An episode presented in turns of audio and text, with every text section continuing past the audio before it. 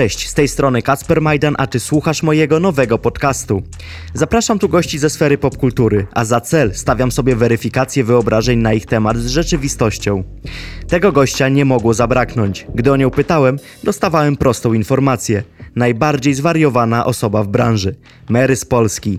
16 czerwca pojawi się jej książka Jestem Marysia i chyba się zabije dzisiaj. Rozmawialiśmy o kulisach, słodko-gorzkich epizodach, o niej i o świecie. Lekko, prowokująco, bezpośrednio i refleksyjnie. Posłuchajcie. Mary z Polski, Matko Boska, Mary z Polska. Dzień dobry. Amen, ramen. Bardzo mi miło. Cieszę się. Jak się czujesz jako autorka książki w swojej nowej roli? Mm, czuję się jako samozwańcza pisarka, y, literatka z szuflady y, i trochę się stresuję przed tym debiutem, bo pierwszy raz w życiu mm, pokazuję to, co piszę ludziom w takich dłuższych wersjach, to nie jest mój pierwszy raz, kiedy piszę, bo takich rzeczy przez lata było mnóstwo, tylko lądowały sobie. No te setki karteczek w szufladach, w słyszałem o tym. E, tak, i to było moje marzenie, ale też wiem, że książka to jest zupełnie inny mm, produkt niż płyta. To nie jest coś, co ludzie sobie puszczają jako mm, czasem tło, czasem do tańca, tylko to jest coś, z czym obcujesz tak jeden do jeden. No, jak ja czytam czyjeś książki, to bardzo często się zastanawiam nad autorem i co on miał w głowie i tak jakoś bliżej ja czuję. w twoim przypadku też się bardzo zastanawiam momentami, co ty masz w głowie. Mam nierówną grzywkę i nierówno pod kopułą. No, ale nie, grzywka jest całkiem spoko, z kopułą, no pozytywnie, pozytywnie, jest różnie, ale e, fajnie, bo tobie chyba trochę zależy na tym, żeby być taką osobą pełną kontrastów, trochę skrajności. Lubisz przesadę, tak, mam wrażenie. Lubię przesadę i lubię ją też w wizualach, że jeżeli miałabym nałożyć obcasy, miałabym do wyboru takie 5 albo 50 centymetrowe, to wolę zdecydowanie pójść w ten przeskalowany rozmiar. Po prostu to lubię. Y, lubię też taką sztukę, jak patrzę na chociażby instalację o, o Salvadora Dalego, o którym wspominam zawsze i wszędzie mam o nim piosenkę, no to to, co w nim lubię, to to, że on po prostu czasem coś stworzy takiego, że tak powiem, moim zdaniem z dupy i to jest piękne samochód pełen na przykład w środku deszczu i tak dalej. I ja też tak czuję, że, że, że mną kierują takie instynkty, że czasem coś, co właśnie w tej książce się może wydawać nagle takim ząkiem i słowem, które kompletnie nie pasuje, to, to właśnie ono jest tym słowem z dupy, które zostało użyte specjalnie, żeby to wszystko wywrócić do góry nogami, więc te kontrasty, o których mówisz, są mi bardzo znane, no, złapa Złapałem się kilka razy na tym, że parę fraz przeczytałem kilka razy. Nie, coś ja źle przeczytałem. Nie, nie, nie, nie. nie no faktycznie tutaj tak jest, więc to nie jest żaden błąd w moim rozumieniu, ani tym bardziej błąd w wydruku, tylko to ostatecznie kilka razy się przeczyta, ma sens. I to jest chyba też traka, e, trochę twoja domena, jeżeli chodzi o muzykę, mhm. że wiele rzeczy na początku w ogóle jest takich, co, co ona za przeproszeniem pierdoli, jak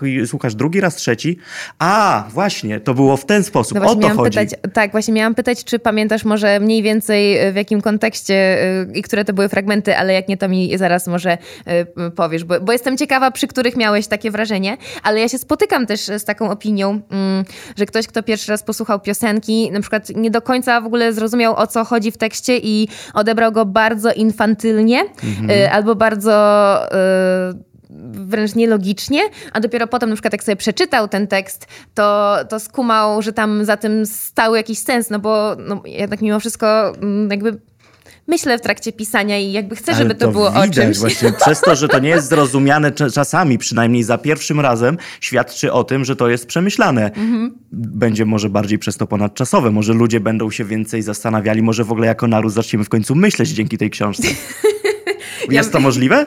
Myślę, że bardzo byłoby dobrze, jeżeli my jako naród byśmy, jeżeli się ten naród skłoni do przeczytania tej książki, żebyśmy właśnie y, potrafili spojrzeć na siebie i na życie miłym okiem i żeby, żebyśmy potrafili czasem te czarne myśli umieć wywalić z głowy, co wiem, że czasem jest bardzo trudne i wiem, że no, ludzie mają gigantyczne problemy, więc y, to, to nie da się tak pstryknąć palcem oczywiście, ale ja tą książkę też napisałam trochę po to, żeby ten nasz czasem marazm szary, y, blokowy, polski, zimowy wykurzyć z głowy i żeby było więcej tych szalonych myśli, barw i podejścia do, do spraw takich no, prostych też życiowych, bo piszę tam dużo o, o takich w zasadzie codziennościach. Tak, o tym jeszcze, do tego jeszcze przejdziemy, bo mam tutaj troszeczkę sobie e, rzeczy przygotowanych, e, ale zacznijmy w sumie troszeczkę od początku. Dlaczego w ogóle książka? Skąd pomysł? Skąd to się wzięło? I wiem, że teraz sobie myślisz, ja pierdolę, słyszałam to pytanie już 10 razy, bo udzieliłam już 10 wywiadów, ale ja tych wywiadów nie słyszałam, więc ja jestem autentycznie ciekawy. Ja w ogóle tak nie myślę, ale przez to, że jak, pierwszy, jak się tutaj spotkaliśmy i to mówię tutaj off topic dla wszystkich, to pierwsze co Kacper mówi, ile miałaś już wywiadów? No nie, po prostu będziesz ciągle mówić to samo i żebyście wiedzieli, staram się nie mówić właśnie tego samego, więc odpowiem jeszcze inaczej. Książka dlatego, bo mm, pomyślałam sobie, Faktycznie jest tak, że często ludzie słuchają piosenek y, Mary z Polski i mówią, że nie zrozumieli o co mi chodzi, a dopiero jak na przykład przeczytali sobie te teksty na, w książeczce od płyty albo na tekstowo.pl, tylko tam z błędami zazwyczaj, to dopiero wtedy na przykład zrozumieli właśnie sens. I pomyślałam o tym, no to w takim razie może ja jestem bardziej zrozumiała właśnie na papierze, kiedy obcujemy bez tych bodźców muzycznych, bez tych bitów, krzyków, tych wszystkich au i tak dalej, co uwielbiam i z czego nie zrezygnuję, ale pomyślałam sobie, Zróbmy takie spotkanie e, z ludźmi z Polski właśnie face to face, po prostu na papierze, połączmy się myśl, myślami i dlatego, dlatego ta książka. Bo tam mam po prostu czas, mam miejsce na to, żeby napisać, co mi się żywnie podoba i żeby użyć tyle, tylu form, ile tylko chcę. A w piosenkach, no nie zawsze jest na to po prostu czas i miejsce, bo są krótkie, a jeszcze w dzisiejszych czasach to już w ogóle najlepiej, żeby miały dwie minuty. E, single w sensie. Oczywiście, no wiesz, ja w ogóle przede wszystkim ja się cieszę, że mogłem przeczytać tą książkę przed wami, także teraz się poczułem w końcu Bang. raz. Uczucie wyższości w końcu takie polskie. E, ta książka ma, jest pełna kolorytu, kontrastów, jest e, momentami wzruszająca, słodko-gorzka, wulgarna czasami, bardzo bezpośrednia. Ile jest w niej autobiografii, a ile kreacji?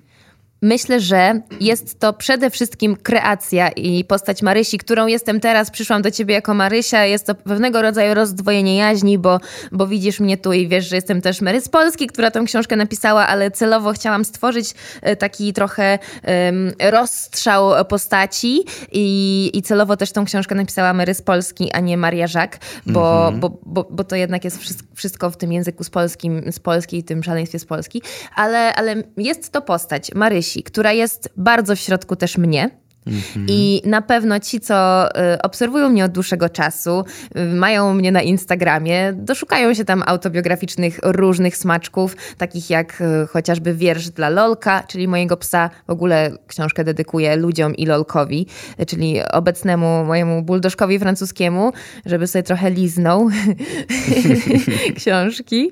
Um, ale to absolutnie właśnie nie, chciała, nie chciałam, żeby to był sztandar, że to jest moja autobiografia, bo po pierwsze to uważam, że ja w życiu nie mam o czym pisać teraz, wydając jakąś autobiografię, bo myślę sobie, że autobiografia to jest taka książka, w której mm, gdzieś się opisuje życie prywatne i zawodowe danej postaci, która osiągnęła wiele w swoim życiu, powiedzmy. Proszę cię, Bieber napisał biografię mając kilkanaście lat. Właśnie o tym też y, słyszałam i no może miał już o czym pisać.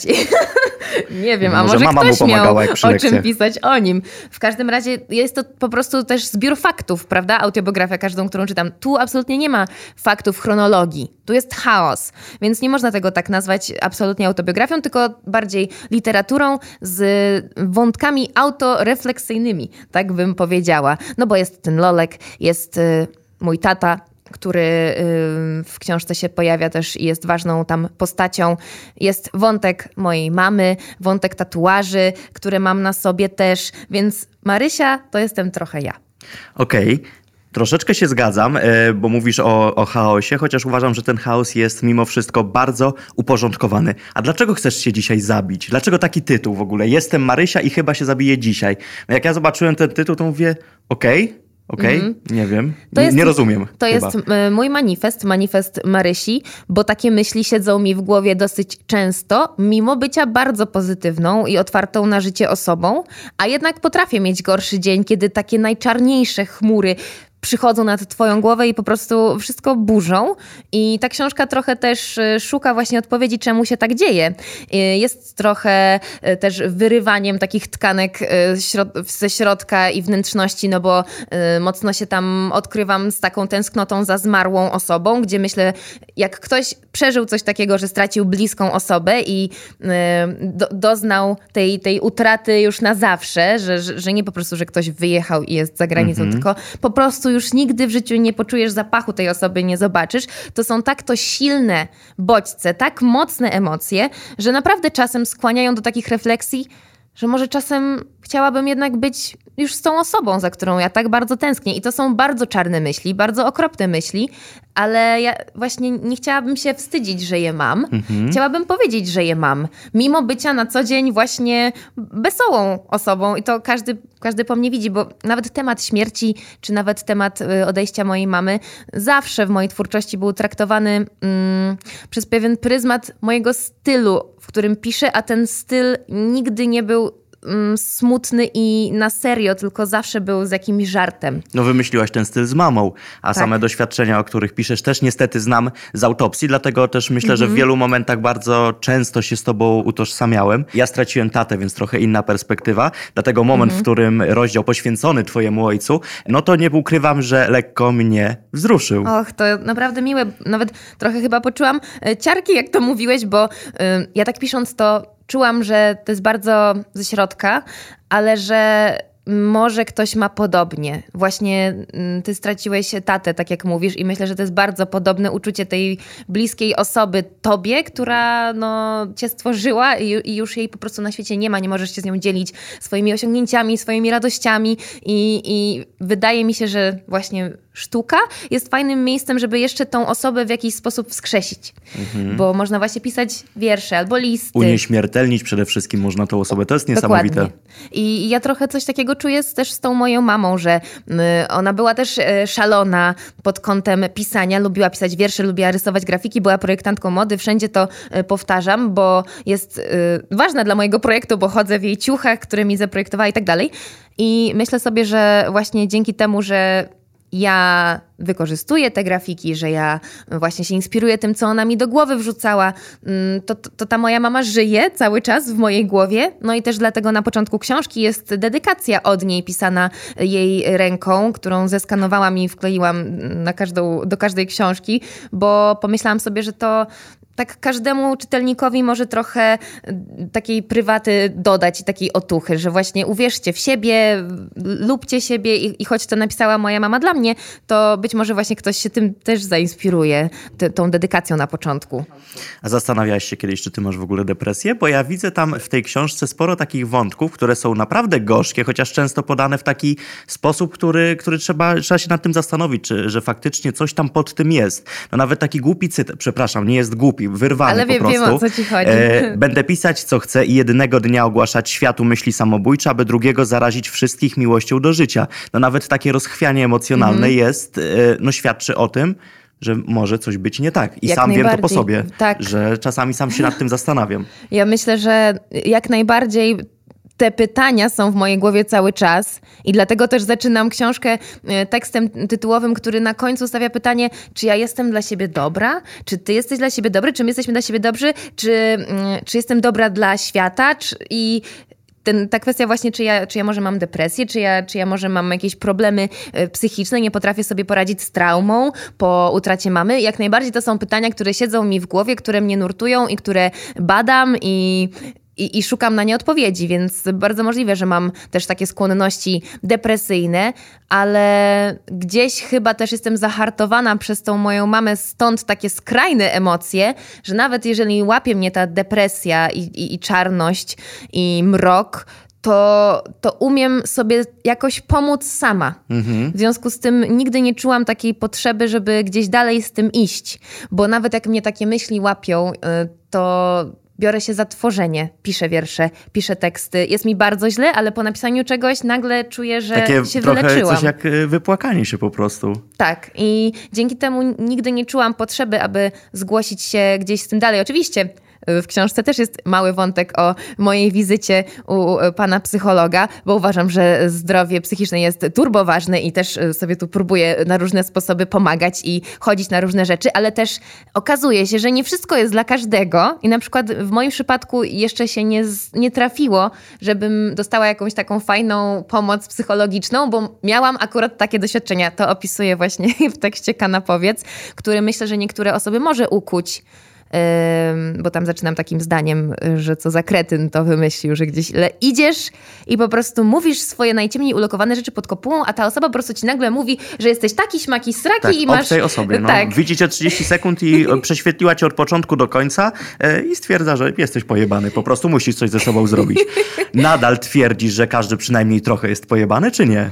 Myślę, że tak i nawet był taki tekst, który y, sobie gdzieś tam notowałam i może gdzieś go też zamieszczę, bo, y, bo przy tej książce było zdecydowanie też więcej tekstów, tylko, tylko niektóre zostały w szufladzie i jeden nosił tytuł Pojebany typ ludzi i myślę, że może to na drugą książkę będzie, bo y, puenta tego tekstu jest taka, że w sumie każdy z nas jest pojebany. Właśnie na swój sposób. Mhm. Ja mam na przykład takie i takie odstępstwa. Jestem właśnie skrajna, temperament, potem płacz, furiat i tak dalej. Ktoś inny powiedzmy ma jakieś natręctwo czegoś tam, więc każdy z nas... Macierewicz nadal wierzy w zamach. No więc właśnie, każdy jest pojebany i myślę, że to słowo nie powinno obrażać. Ono powinno po prostu być normalne w kanonie. Dlatego nie rozumiem do dziś, czemu mój singiel Miło było pana poznać, gdzie mówiłam, że kocham pana jak pojebana, to nie rozumiem, czemu ktoś się oburza na to słowo. Ja lubię to słowo. Zresztą wiele osób zajebiście nie uważa jako przekleństwo. To jest fajne słowo. No właśnie, świat ono się fajnie zmienia. brzmi. Zajebiście. Tak, ma taki fonetyczny no. poślizg, który stwierdza, że coś jest zajebiste. Mhm. Czytam tą książkę i e, czytałem właściwie i przychodziło mi kilka myśli do głowy, ale jedna była przy cytacie, który brzmi następująco. Lubię głośno, e, lubię mówić głośno o swoich fantazjach, robić sobie dobrze nad twoją twarzą, albo lubię jeziora, skoki na golasa, lubię twojego kutasa. Myślisz, że ludzie będą uprawiać autoerotyzm przy twojej książce? To byłoby, myślę, urocze, bo czemu nie? Książka ma służyć, żeby dawać radość, żeby dawać przyjemność. Jak to, tą przyjemność sobie dacie, to już wasza sprawa. Dlatego też e, wracając do, do naszej rozmowy off, o grafikach, których wspomniałeś, że, że tam ta książka też jest wizualnie. Powiedziałeś, że jest fajna wizualnie, więc... Jest świetna wizualnie. Więc piję do tego, że to też po to, żeby była przyjemna. Mhm. To też dlatego mm, trochę się śmieję, że jeżeli ktoś nie będzie chciał przeczytać, bo na przykład nie lubi czytać, a wiem, wiem że są tacy ludzie. A będzie to, audiobook z twoim y, głosem? Tego nie wiem jeszcze. A to byłoby świetne, bo niektóre rzeczy jakbyś przeczytała, ja bym naprawdę jeszcze raz tego odsłuchał, pomimo, że treściu znam. Mm, myślę sobie, że taki audiobook by był, jeżeli miałabym nagrywać audiobook, y, to z pełną świadomością, że nie jestem tutaj w tym mistrzem, musiałabym ja to przeczytać. Bo to, są, bo to jednak jest pamiętnik, no to ja musiałabym jednak swoim głosem, więc jak już to, to byłby to audiobook by me, y, więc nie wiem, czy ludzie by to znieśli. Ja uważam, że to byłoby niesamowite, jeszcze jakbyś podśmiewy, y, coś tam robiła sobie małe podśmiechujki, jakieś chórki może. Słuchaj, z tego powinno powstać słuchowisko. Słuchaj, może właśnie y, coś wykrakałeś, może właśnie mnie zainspirowałeś, a może, może ten pomysł nigdy się nie wydarzy. Zobaczymy, ale fajnie, bardzo miło, że to mówisz. Ja w ogóle uwielbiam mm, audiobooki, które mają jeszcze większy wymiar i teraz bardzo mi się podobał ten random. Nie wiem, mhm. czy miałeś okazję Słyszałam, zgłębić. Nie, nie słuchałem. Y, gdzie po prostu ten w zasadzie audiobook też y, przenosi się na YouTube'a, on się mm, przenosi na piosenkę, na, na teledysk. Jakby wielowymiarowość jest zajebista, jak już mówiliśmy o tym słowie, że, że nie jest to tylko po prostu przeczytany tekst. Czyli w ogóle super jest w audiobookach podział na role, że czyta kilku lektorów jedną książkę. To dodaje takiej dynamiki. Jeszcze w no. ogóle nasza wyobraźnia nagle zaczyna jeszcze bardziej, za przeproszeniem, napierdalać. I to jest niesamowite. Masz wrażenie, że w tej książce troszeczkę zachowujesz się, chociaż nie lubię tego stwierdzenia, ale to powiem jak głos pokolenia, bo ty wypowiadasz na głos, na głos, no, napisałaś rzeczy, które ja jako mężczyzna trochę w innym wieku, trochę zupełnie z innego pewnie środowiska, mhm. też mam w głowie. I tak sobie czytam, przecież to jest, to jest niesamowite, że ty momentami myślisz tak jak ja. E, ile mówisz A myślałam, o... że jesteśmy w takim samym wieku. W bardzo podobnym pewnie, no. Ale, no. Ile masz lat? Ojejku, 25. No to jesteś ode mnie rok młodszy, to tak, faktycznie y, jesteśmy prawie w podobnych, w sensie funkcjonujemy w podobnych światach, mhm. myślę, że ty możesz zrozumieć chociażby Netflix, tak. te wszystkie codzienności. Tak, Netflix, pizza i wino musujące. No i to jest właśnie. Od, no, oddajesz taki, taki klimat, który myślę, że towarzyszy każdemu z nas w sumie z naszego pokolenia. Mhm. I to mhm. jest niesamowite, bo ja też czytając tą książkę, troszeczkę zacząłem myśleć o Taco Hemingwayu, który też właśnie w taki fajny, plastyczny bardzo sposób przedstawiał w sumie naszą rzeczywistość. To prawda i taką jest tkanką miejską trochę, że mm, też jak słucham jego rzeczy, to, to czuję się, że w punkt to są mm, wręcz takie fakty z życia, w którym żyję i też w tej książce, w książce to czuć, że ona była pisana w, na przełomie 2019-2020. W zasadzie 2020 był tym głównym rokiem e, pisania i to czuć w niej, bo jest tam wątek y, tych wszystkich pandemicznych spraw, choć niedużo, bo, bo nie chciałam poświęcać temu jakoś wiele uwagi, bo No byłoby chyba już zbyt gorzko wtedy i zbyt no. mocno. Zresztą już każdy żyga tą pandemią. Dokładnie, ale jakby czytając tą książkę mhm. możemy od razu wiedzieć, o który rok chodzi, że w marcu powiedzmy był ten wybuch pandemii, że był na przykład wybuch bomby bejruckiej, że jakby to się teraz działo i to yy, chodzi mi o takie smaczki, które po prostu podkreślają, że ta książka była pisana tu i teraz, z, z myśli, które są tu i teraz. Bardzo możliwe, że przeczytam i stwierdzę, co ja w ogóle pierdolę, co ja miałam w głowie. Bardzo możliwe, że tak będzie. Ale to y, znaczy, że zrobisz jakieś kolejne kroki do przodu, że będziesz ewoluować, a nie stać w miejscu, czyli się de facto cofać. Mhm. E, ile razy całowałaś się z kimś, pomimo że tego nie chciałaś?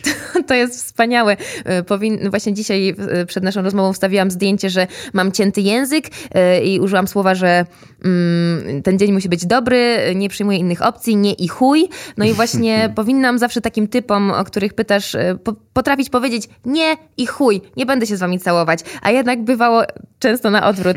I ile ich było? Nie wiem. Myślę, że można policzyć na dwóch rękach i, z niebieskimi paznokciami przecież nie lubisz niebieskiego, ale Dokładnie. ostatecznie też y, ten niebieski często na siebie przejmowałaś. I właśnie z tym nie i chuj. To jest właśnie, to jest ten przykład, gdzie ta książka wygląda świetnie, mhm. bo masz na dwie strony wielki napis nie i chuj. To jest niesamowite. No bo myślę, że to trzeba sobie wbić w głowę. Jednak nie i chuj ma zdecydowanie większe rażenie niż takie nie, nie, bo, bo jak powiesz takie właśnie nie, to, to, to nie zaraz się prze, przeobrazi w tak. Ja już się znam, więc wiem, że tak jest. Jak sobie w głowie powiesz nie i chuj, to jest szansa, że dasz radę z tą asertywnością. Mhm. Patrząc na to, że znajdujemy się na polskim rynku, e, Mam wrażenie, czy nie, e, w zasadzie mam pytanie, mhm. czy nie zastanawiałeś się kiedyś nad tym, że z tą książką jest trochę jak z grą w tenisa, no celujesz w linię, ale jest bardzo łatwo wtedy przestrzelić. Mhm. I myślę, że momentami przestrzelisz i troszeczkę wielu osobom, może nie na, e, na uczucia, chociaż też pewnie, ale na sam styl bycia, na nasz polski styl bycia po prostu nadepniesz na odcisk. Mhm.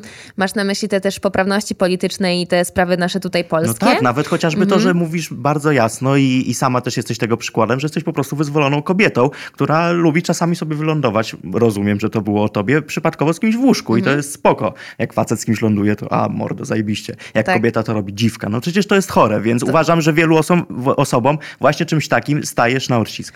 Nawet mm, widać to gdzieś tam w sieci, mm, więc jestem na to przygotowana, że ta książka jest tylko pogłębieniem tych y, różnych opinii na, na, na, na temat tego, jak ja postrzegam świat. Y, ja walczę z tym, żeby jednak iść w ten zachodni styl wyzwolenia, właśnie to, o czym mówisz, że jednak y, chyba u nas nie było takiej porządnej rewolucji seksualnej, mam wrażenie. No na kulu próbują zrobić, ale im nie idzie.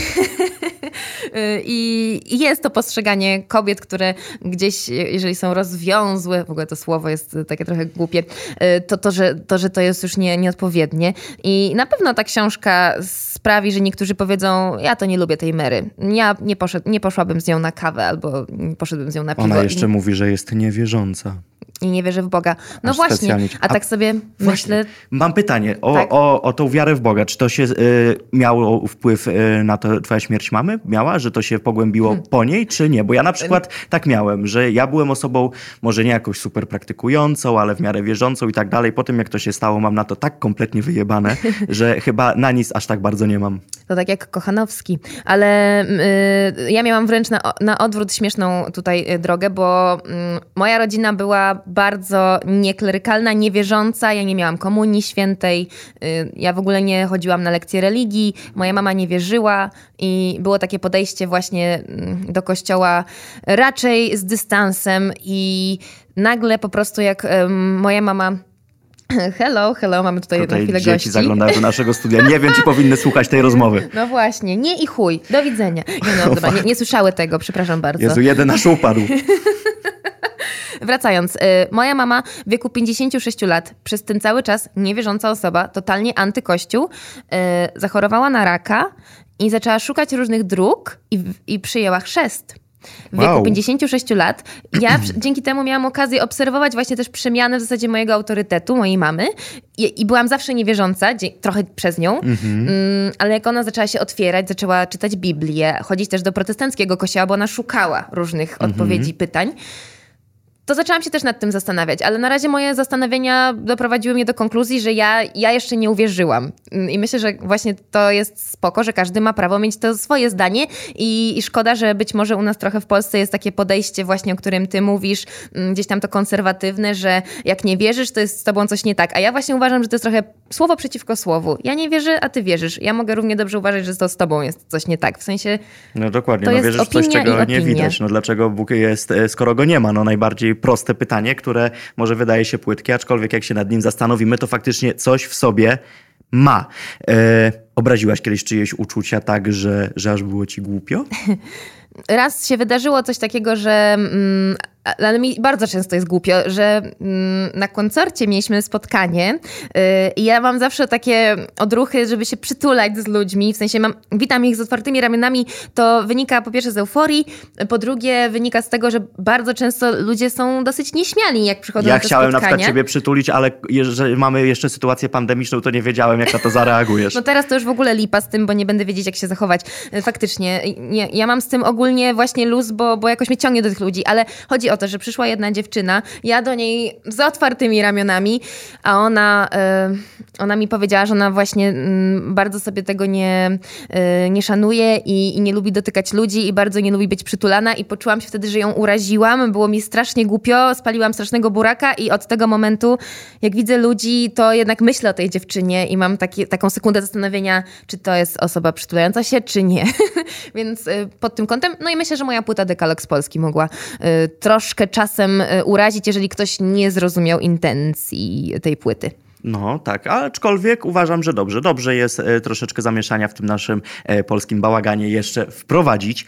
E, po napisaniu tej książki, żeby porozmawia- porozmawiać teraz troszeczkę o równowadze, e, ty jesteś bardziej teraz wokalistką, osobą, która produkuje muzykę, czy teraz jesteś bardziej pisarką? Zawsze mówię, że jestem performerką, bo nigdy nie czułam się w skórze wokalistki. Wynika to raczej z tego, że Whitney Houston czy Christine Aguilera to ja nie zaśpiewam, bo po prostu nie mam takiej skali, nie mam takich warunków wokalnych, żeby się nazwać pełnoprawną wokalistką, która ci po prostu wykona wszystko to, co można zaśpiewać, bo myślę, że wo- wokalista to właśnie jest też taka profesja, że śpiewasz wszystko. Ja mam ten taki swój styl śpiewaczy, swój styl recytatorski, więc jest to bardziej performance. W związku z tym w skład tego performance'u wchodzi też pisanie książek, a może kiedyś taniec, a może kiedyś coś. Jezu, ja bym cię w ogóle widział na ekranie. Ty powinnaś być aktorką. Chciałabym bardzo, Stand-uperką, moja droga. ale stand-up jest chyba cholernie trudny. Stoisz przed ludźmi, jest cicho i po prostu mówisz. I No, jak patrzę na twoje biuro, jakbyś zaczęła mówić, to myślę, żeby tam było ludzie trzymajcie kapelusze, tak jak Giza, bo to byłaby jedna wielka beka. A stand-up ma też to do siebie, że fajnie jak jest podszyty, czy też czymś gorzkim, więc... czarnym humorem, tak. No, czarnym humorem, ale też gorzkimi doświadczeniami. No przecież ilu komików ma depresję. Oj tak. E, więc, A to mi się podoba w stand-upach, że tam wszystko jest dozwolone, że można się Tak. śmiać ze stereotypów. że można śmiać się z papieża, chociaż Abelard Giza miał przez to spore problemy, ale dobrze, niech się śmieje. No w końcu No wiedział o pedofilii w kościele. są żarty, no. Właśnie po to, żeby przełamywać te rzeczy. Ludzie lubią też poczuć się nagle tacy wyzwoleni, że okej, na co dzień nie możemy z tego się śmiać, ale tu Mhm. możemy. Tak, no ja pamiętam, nigdy nie zapomnę, jak Abelard Giza w dzień wośpu powiedział, że z, y, cały występ, cały dochód z występu przeznaczony jest na dzieciaki, a później dodał, że na jego dzieciaki. To Jezus Maria. I to było niesamowite, aczkolwiek to taki trochę z delikatnym dystansem, ale ostatecznie się przyjęło. Ja parsknąłem niemiłosiernie przy tym. E, robisz swoją muzykę troszeczkę dla Beki, czy, czy nie? Myślę, że tak. Jak robimy ją z producentem Noe Coasem, to bar- bardzo często mamy takie podejście ty, walnijmy tutaj coś trapowego, na przykład na co dzień... Albo hardstyle'owego. To Albo niesamowite. Ja się hardstyle'owego. tak, jak słuchałem, pamiętam tego kawałka, nie pamiętam jak on się nazywał.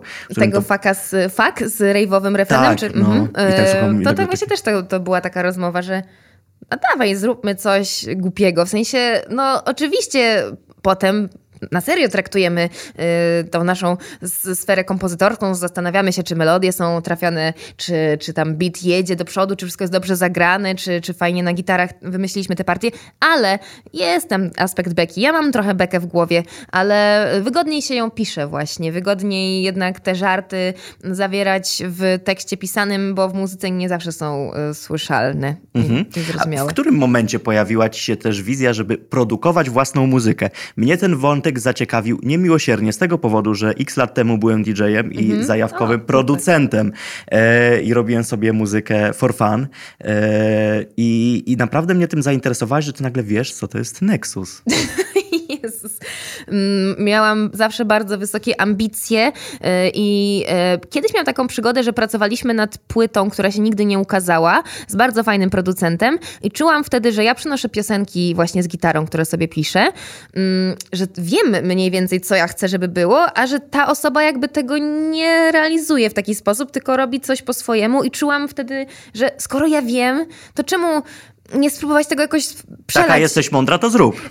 trochę Zosia Samosia typu, a to se sprawdzę sama i najwyżej będzie chujowe. I y, zaczęłam właśnie się bawić w to i choć nie mam producenckich skilli, mm, takich jak powinno się mieć, kiedy się jest producentem, tylko to wszystko bardziej jest intuicyjne, no to okazało się, że jakoś e, można się tym bawić. E, Z pierwszą płytę zrobiłam na tym takim e, bardzo, e, powiem szczerze, prymitywnym e, programie, bo jest e, nim GarageBand. Serio? Tak, i cała powstała na nim. Ale Czyli przynajmniej jest teraz moja. pracujesz na Logiku. Nie, Ableton teraz wjechał. O, Jezu, mój się nim... przyjaciel, który jest producentem, byłby teraz zachwycony by klęknął przed tobą. W końcu ktoś z Abletonem. A, bo macie walkę, ty jesteś Logic. Ja, nie, ja w ogóle go zaraziłem A, Abletonem, okej. tylko że ja już sobie to odpuściłem, więc on został troszeczkę osamotniony. Ableton jest dobry na koncerty, bo jednak e, no, taki intuicyjny i też e, jak na razie nie zawiódł w tym puszczaniu wszystkich lupów. Oczywiście, no, No. że tak powiem, nie wysysa komputera, ale żeby nie zanudzić ludzi. Nie uważasz, że troszeczkę to, że, e, że tam twoja produkcja jest, no nie jesteś Quincy Jonesem i tego nigdy nie, nie będziesz próbowała pewnie też ukrywać, czy Daft Tak. Punkiem chociażby, ale do twojego stylu bycia, takiego lekko chaotycznego, takie niedociągnięcie, myślę, że to daje jeszcze uroku. Mhm, ja lubię bardzo to na przykład w Dua Lipie, m, kiedy ona tańczy i widać, że to jest wszystko takie clumsy i takie, że no W ogóle chciałaby... lubisz Dua Lipę, patrząc na lubię twoją Dua Lipę. książkę. Ja też lubię. Mm, tak, Dua Lipa, dupa i lipa, bo słucham jej zazwyczaj, kiedy jest dupa i kiedy jest I lipa. lipa. E, Ale to, co mi się w niej podoba, to to, że ona nie jest perfekcyjna, y, tylko ma swoje jakieś mankamenty. Czasem te ruchy są clumsy, czasem coś nieczysto zaśpiewa, choć ma wspaniały głos. I dlatego też czuję taki luz w tym, co ja robię, że no czasem można się, oczywiście mm, Jestem trochę w głowie też perfekcjonistką, bo mm, wszystko sama muszę dopiąć, ostatni guzik i tak dalej, bla, bla, bla. Ale jednak y, fajnie czasem mieć jakieś wady, bo no to tak jest chyba bardziej luźne i normalne. W sensie nie mogę być mistrzem we wszystkim, a trochę mam takie aspiracje, żeby mieć na wszystkim kontrolę, więc no nigdy nie będę w tym mistrzem, ale przynajmniej trochę. Po... Jezu, ale to jest prosta droga do popaść, e, żeby popaść w pracoholizm. tak, ja myślę, że ja myślę, że ja jestem trochę pracocholikiem. No i super, ja chyba też idę w tym kierunku, także jesteśmy razem, najwyżej będziemy razem chodzić na meetingi. I lunchy. O, no mam nadzieję, że zakrapiane. E, moda, bo ona też się w twoim e, życiu, w twojej karierze jako Mary z Polski często pojawia. To jest zajawka, czy może już plan B, taki troszeczkę? Zajawka. Mam takie podejście, że absolutnie nie ma planów B. Nigdy w moim życiu nie było planów B, zawsze się y, na studiach... Były plany A i chuj. I chuj. Y, Tak, i po prostu au i chuj. Y, Za, znajomi zawsze trochę patrzyli na mnie mm, z takim politowaniem, że Mary, dlaczego ty nie idziesz gdzieś na staż albo nie robisz gdzieś praktyk, żeby jednak mieć co wpisać do tego CV na tych studiach. Ja jakoś nie czułam tego, bo czułam coś takiego, jak ja pójdę na ten staż, to przecież to już jest taki 1% dla losu, że może mnie pośle w tą drugą stronę, a ja nie chcę, ja chcę muzycznie, ja chcę tworzyć. Więc y, też tak jest z modą, że robię to, bo lubię, robię to, bo fajnie się na scenę ubrać po swojemu, ale nie jest to plan B. Marzeniem jest mieć firmę modową, żeby kontynuować dzieło mamy, bo mam po niej mnóstwo projektów, ale to nie jest y, jakaś taka, wiesz, wizja finansowo-firmowa, tylko właśnie bardziej ten taki człon y, artystyczny, który jak będę mieć więcej czasu, to się nim z wielką chęcią zajmę. Na razie tego czasu, kurde, nie ma na tą modę, dlatego Dlatego napisałeś takie... książkę, żeby mieć go jeszcze mniej. Tak, ale do książki będą też jakieś takie rzeczy merczowe, więc to, to mi trochę zrekompensuje tęsknotę za modą. Okej. A nie zastanawiałaś się kiedyś, żeby jako Mary z Polski e, i twój odłam modowy, żeby na przykład zacząć robić? Ja po czytaniu tej książki to już ci podsuwam pomysł, bo myślałam, że ty powinnaś również sprzedawać swoje zabawki erotyczne, na przykład dildo z Polski. W paski takie? No, na przykład. Myślę, że to, myślę, że to byłoby fajne. Może to w końcu byłaby jakaś rewolucja seksualna w tym kraju. No to byłoby dobre. Chociaż ja y, musiałabym najpierw sprawdzić, czy jaki jest też target y, tej książki i, i czy to no, jednak mimo wszystko chyba 18 plus by musiało być. A ja myślę, że ta książka też jest dla młodszych osób, więc taki, taki merch to byłby ryzykowny, ale podoba mi się twój pomysł, bo jest nowatorski. Jejku, e, to ja mogę pomóc opracowywać. Dobra, a na, na kim robimy testy? Bo chyba nie na mnie. Dobra, to jak skończymy, to, to się rozbieram. E, Mary, wczoraj ci napisałem, że jesteś cudownie zwariowana i chyba po tej rozmowie uważam, że jesteś cudownie zwariowana, wręcz pojebana. Jesteś niesamowita. Dziękuję ci za to, że przyszłaś. E, cieszę się, że twoja książka, która nazywa się Jestem Marysia i chyba się zabije dzisiaj, już wychodzi jutro, bo jak Jutro? tego będziecie słuchać, to będzie jutro. E, Jestem naprawdę ciekawy, jaki będzie jej odbiór. Dziękuję Ci bardzo za tą rozmowę. Jesteś wspaniała. Dziękuję bardzo. Ty też jesteś wspaniały i pojebany. Jesteśmy wszyscy Uhu. pojebani. Yeah. Świetnie.